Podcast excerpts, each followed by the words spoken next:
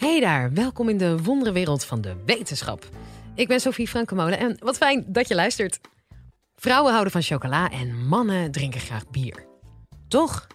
Sociaal wetenschapper Linda Duits van Universiteit Utrecht onderzoekt waar deze normen vandaan komen en wat er gebeurt als jij je er niet aan houdt. Live vanuit Club Air is dit de Universiteit van Nederland. We all act better than we know how. We kunnen allemaal beter toneel spelen dan we denken. Ik kan helemaal niet acteren. Ik heb wel wat amateurlessen gevolgd en het is ook goed dat het daarbij bleef bij amateur. En toch sta ik hier te acteren. Dit is een act. Dit is een performance. Zo ben ik helemaal niet echt. Dit jurkje en deze make-up, dat voelt helemaal niet zoals dat ik ben. Veel liever kom ik uh, ja, in een Star Wars trui. Maar ik ben gevraagd om hier vanavond voor jullie te komen spreken. En dan moet je, zoals dat heet, representatief voor de dag komen. En representatief als vrouw betekent dat je je vrouwelijk kleedt. Um, het topbeeld van representativiteit zijn voor mij stewardessen. Stewardessen die hebben altijd hun schoenen in orde en hun nagels uh, zitten, zijn oké en hun haar uh, zit ook altijd goed. En uh, dat moet ook. een aantal jaar geleden werd een stewardess van KLM ontslagen omdat zij kort haar had. Kort haar is volgens KLM blijkbaar niet representatief. Dat was in november 2011. Maar goed, ik ben hier dus representatief. Ik zou het anders willen zeggen. Ik haal hier bepaalde codes van vrouwelijkheid aan. Ik citeer bepaalde conventies van vrouwelijkheid en daarmee doe ik vrouw. Als sociaal wetenschapper ben ik geïnteresseerd in die hokjes man-vrouw. Hoe herkennen mensen die hokjes? Hoe houden we ze in stand? En wat hebben we er eigenlijk aan? Nou, vandaag uh, ga ik het met jullie hebben over mannelijkheid en vrouwelijkheid. En dat man en vrouw eigenlijk toneelstukjes zijn, maar toneelstukjes die niet vrijblijvend zijn, maar grote gevolgen hebben in onze maatschappij. Voor zowel vrouwen als ook voor mannen. Nou, dat idee dat gender een performance is, wat ik hier aan het doen ben, dat is een belangrijk perspectief binnen genderstudies, mijn specialisme. De Franse filosoof eh, Simone de Beauvoir schreef in 1949 de beroemde zin: Je wordt niet als vrouw geboren, je wordt tot vrouw gemaakt. Een vrouw die trekt haar BH aan, die brengt haar make-up aan, zij kleedt zich aan. Ze is een representatie van een figuur, maar ze is dat nooit echt. Ze is altijd een imperfecte identificatie met een ideaalbeeld. In de tweede golf, de tweede feministische golf, zo in de jaren 70, ontstond er een onderscheid tussen seksen en geslacht aan de ene kant en gender aan de andere kant, dat de meeste mensen wel kennen. Seksen verwijst dan naar ja, de biologische realiteit, je lichaam, zeg maar, man of vrouw. En gender verwijst dan naar de culturele constructie, mannelijkheid en vrouwelijkheid. Nou, seksen wordt gezien als tegengesteld, als uitsluitend. Je wordt geboren en dan ben je of het een of het ander. Het is een meisje. En daarmee vind je ook direct je plek in de genderorde, want aan geslacht koppelen we automatisch ook gender. Dus krijgt dat meisje een roze babykamer, kaarten met prinsessen erop en wordt de moeder gefeliciteerd met die fijne dochter waarmee ze straks gezellig kan gaan winkelen en zo. Nou, dat idee van een tweedeling, dat is essentieel. Want de rest van je leven moet je naar de wc die voor jouw seksen bestemd is.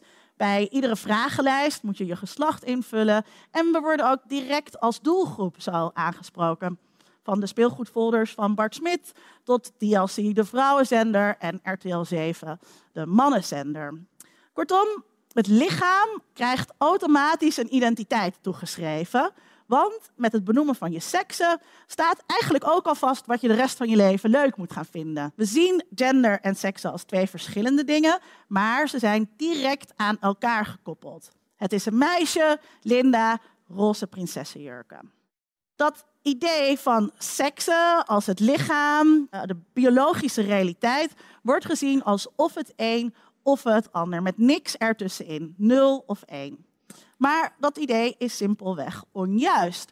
Er worden allerlei mensen geboren met onduidelijke geslachtskenmerken. Wat er dan vervolgens gebeurt, is dat die mensen ja, gefixt worden om de illusie in stand te houden dat iedereen of het een of het ander is. In de natuur is er dus veel meer uh, aan verschillen, maar onze wereld is ingedeeld op dat of het een of het ander zijn. Ik ben een vrouw, maar ik voel me helemaal niet zo. Dat betekent niet meteen dat ik een man wil zijn. Ik ben heel blij met deze borsten. Maar ik voel me niet helemaal vrouw. En wat betekent dat eigenlijk? Je echt vrouw voelen. De Amerikaanse filosoof Judith Butler zegt dat gender niets meer is dan een performance. Met de manier waarop we praten, hoe we bewegen, wat we consumeren, hoe we ons aankleden, herbevestigen we steeds voor elkaar wat het betekent om vrouw te zijn. Dat betekent niet dat we zomaar iets kunnen aantrekken of zomaar iets kunnen doen. We hebben met elkaar allerlei codes afgesproken. En we zijn ook met z'n allen heel erg getraind in het herkennen van die codes. Jullie kunnen hier allemaal van de mensen om je heen in één oogopslag vaststellen of dat een man of een vrouw is. Afspraken dus. We hebben met elkaar afspraken gemaakt. Bijvoorbeeld dat nagellak en romcoms en chocola, dat dat allemaal hoort bij vrouw en vrouwelijk zijn.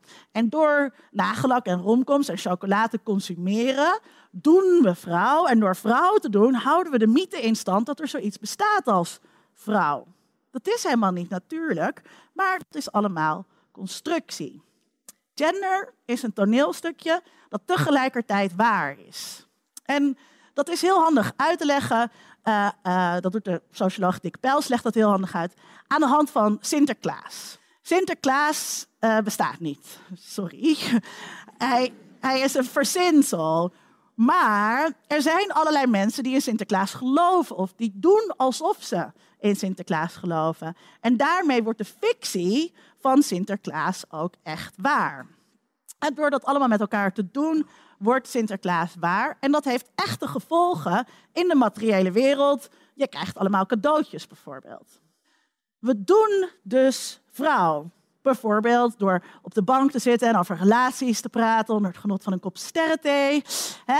Dat is geen biologische waarheid, dat is een waarheid die wij gemaakt hebben. En die we met deze performances ook in stand houden. Er zijn dus allerlei conventies, afgesproken codes. En wat nou interessant is, is dat er heel veel historische variatie zit in wat wij zien als mannelijk en vrouwelijk. Bijvoorbeeld um, hakken. In het Perzië van de 10e eeuw uh, kwamen hakken. En hakken waren voor mannen, want dan kon je in die stijgbeugels bij paarden goed blijven zitten met je hakken. Dat was dus iets voor mannen. Uh, later nam de Europese adel dat over. Eerst mannen en pas veel later vrouwen. Um, de vleeselijke lust. Dat was duizenden jaren het domein van vrouwen, terwijl vriendschap echt een mannenzaak was. Ridders waren matties met andere ridders. In de kerk bijvoorbeeld, het celibaat, mannen onder elkaar, dat was het hoogst haalbare goed. Um, ander aardig weetje, roze was tot de Tweede Wereldoorlog een typische jongenskleur. Echte meisjeskleuren waren grijs en blauw, lekker rustig. Dat drukke roze, dat was meer iets voor jongens. Dus wat we zien als mannelijk en vrouwelijk is niet stabiel, maar een constructie die door tijd en plaats varieert. We houden heel graag vast aan die man-vrouw beelden. Kan je nou niet gewoon kiezen welke conventies je aanhaalt? Hè? Mannelijk of vrouwelijk? Kan je niet gewoon kiezen welk gender je performt? Die filosoof Judith Butler is een filosoof. Hè? Haar werk bestaat uit nadenken. Zij baseert zich uh, op allerlei teksten, medische wetenschap bijvoorbeeld, films, literatuur, andere filosofen.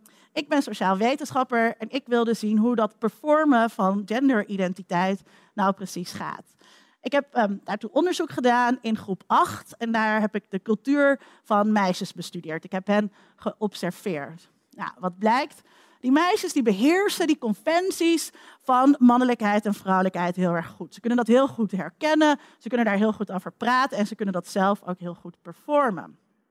Bijvoorbeeld nou, loszittende, oversized kleding dat is echt voor jongens. Alles met een bloemenprint, dat is voor meisjes. Sieraden zijn echt voor meisjes. Tenzij het gaat om een ketting met een wietblad bijvoorbeeld eraan. Dat is dan weer echt iets voor jongens. Uh, echt voorbeeld uit mijn onderzoek. Ik zag daarbij ook dat lichamen beperkend werken. Als je een beetje groot en lomp bent, dan is het heel moeilijk om een echt meisje-meisje te performen. Om heel erg die vrouwelijkheid aan te halen. Er waren bijvoorbeeld ook meisjes die voetbalden, die GTA speelden, uh, die kort haar hadden. Zij werden jongensmeisjes genoemd. En uh, dat mocht nog wel een beetje, maar een jongen die vrouwelijkheid performde, ja, dat kon echt niet. We zien dus dat het lichaam ertoe doet. Dat komt omdat je geslacht bepaalt welk gender je mag performen. En daarbij is er een hiërarchie met vrouwelijkheid onderaan en mannelijkheid bovenaan. Maar ook in het type uh, lichaam dat je hebt. Als je veel rondingen hebt, dan is het makkelijker om vrouwelijkheid te performen, want wij zien rondingen als vrouwelijk. En misschien is dat ook wel de reden dat niemand hier twijfelt aan mijn gender performance. Ook al voel ik me dus niet echt vrouw. Dat belang van het lichaam betekent dus dat niet iedereen zomaar een performance kan kiezen. Als mensen niet goed kunnen herkennen of de mensen om hen heen man of vrouw zijn, dan raken ze in verwarring. En sommige mensen worden daar zelfs boos of agressief over. Dan willen ze zulk gedrag gaan corrigeren. Homo is een scheldwoord wat niet zozeer gebruikt wordt om aan te duiden dat iemand misschien seks zal hebben met iemand van hetzelfde geslacht. Maar het is een scheldwoord dat wordt ingezet als jongens al te vrouwelijk gedrag vertonen. Om dat uh, aan te duiden, om dat te corrigeren, om dat te disciplineren. Biologie doet ertoe. Biologie bepaalt of je roze nagellak kan dragen zonder in elkaar geslagen te worden. Mensen willen heel erg graag vasthouden aan die tweedeling. Mensen willen niet in de war gemaakt worden. En het is ook de basisindeling van onze maatschappij. Dan kan je dus afvragen, nou, is dat eigenlijk erg? Ja, want die hokjes knellen. Uh, voor mij bijvoorbeeld, ik heb er vroeger heel veel last van gehad. En ik ben nu ook echt heel ongelukkig in uh, deze jurk. Um, voor mensen die zich niet identificeren met het hokje waar zij in moet zitten, of niet helemaal identificeren met het hokje waar ze in moeten zitten, voor hen doet het pijn. Voor die stewardess die ontslagen werd, heeft het gevolgen die erg zijn. Gender en seksen zijn toneelstukjes, maar de performances maken die toneelstukjes waar met echte gevolgen. Zelfmoord bijvoorbeeld, dat ligt veel hoger onder homo, lesbische en biseksuele jongeren dan onder heteroseksuele jongeren. Onder transgender mensen heeft één op de vijf uh, een zelfmoordpoging gedaan en twee op de drie heeft daar wel eens over nagedacht. Nou, dat is een heel verdrietige noot en zo wil ik ook niet eindigen, want gaat het ondertussen niet veel beter? Er zijn altijd mensen geweest die zich niet hielden aan die conventies. Uh, onder celebrities van nu zou je het zelfs misschien wel een trend kunnen worden noemen. Uh, denk bijvoorbeeld aan uh, Jaden Smith, de zoon van Will Smith, die erom bekend staat dat hij graag vrouwenkleding draagt. Of um, Miley Cyrus, die zichzelf genderfluïde noemt, een term die rechtstreeks uit genderstudiesboeken afkomstig is. Ik heb jullie vandaag meegenomen in de wereld van genderconventies en van genderperformance. Waarom dragen jongens nou geen nagellak? Nou ja, in de natuur zijn heel veel verschillen, maar dat denken in termen van twee tegenovergestelde verschillen met niks ertussenin, dat is een sociale praktijk. Gender en seksen zijn termen die ervoor zorgen dat onze wereld kunstmatig ingedeeld blijft in of het een of het ander. En vervolgens nemen we dat als biologische waarheid aan. En alle gedragingen, hoe je je kleedt, of je nagellak opheft of niet, uh, of je emotioneel bent of niet, willen we in één van die twee hokjes duwen. Jongens durven geen nagellak te dragen, omdat we dat zo afgesproken hebben. Door gender en seks te performen als echt, als twee soorten met niks ertussenin, maken we dat ook waar met echte gevolgen. Denk aan Sinterklaas. En die gevolgen bestaan misschien wel uit een overzichtelijke wereld, maar ook uit een wereld die ongelijk is en waarin allerlei mensen worden buitengesloten.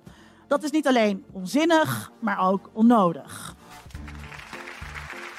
Ja, dat was Linda Duits. En wil je nog even verder luisteren? Dat kan. Check dan vooral de rest van onze playlist. Want we hebben nog veel meer colleges voor je in de aanbieding. En er komen er elke week twee bij. In de volgende aflevering hoor je waarom je in Amerika soms ongelooflijk veel geld kan verdienen door iemand aan te klagen. Tot dan!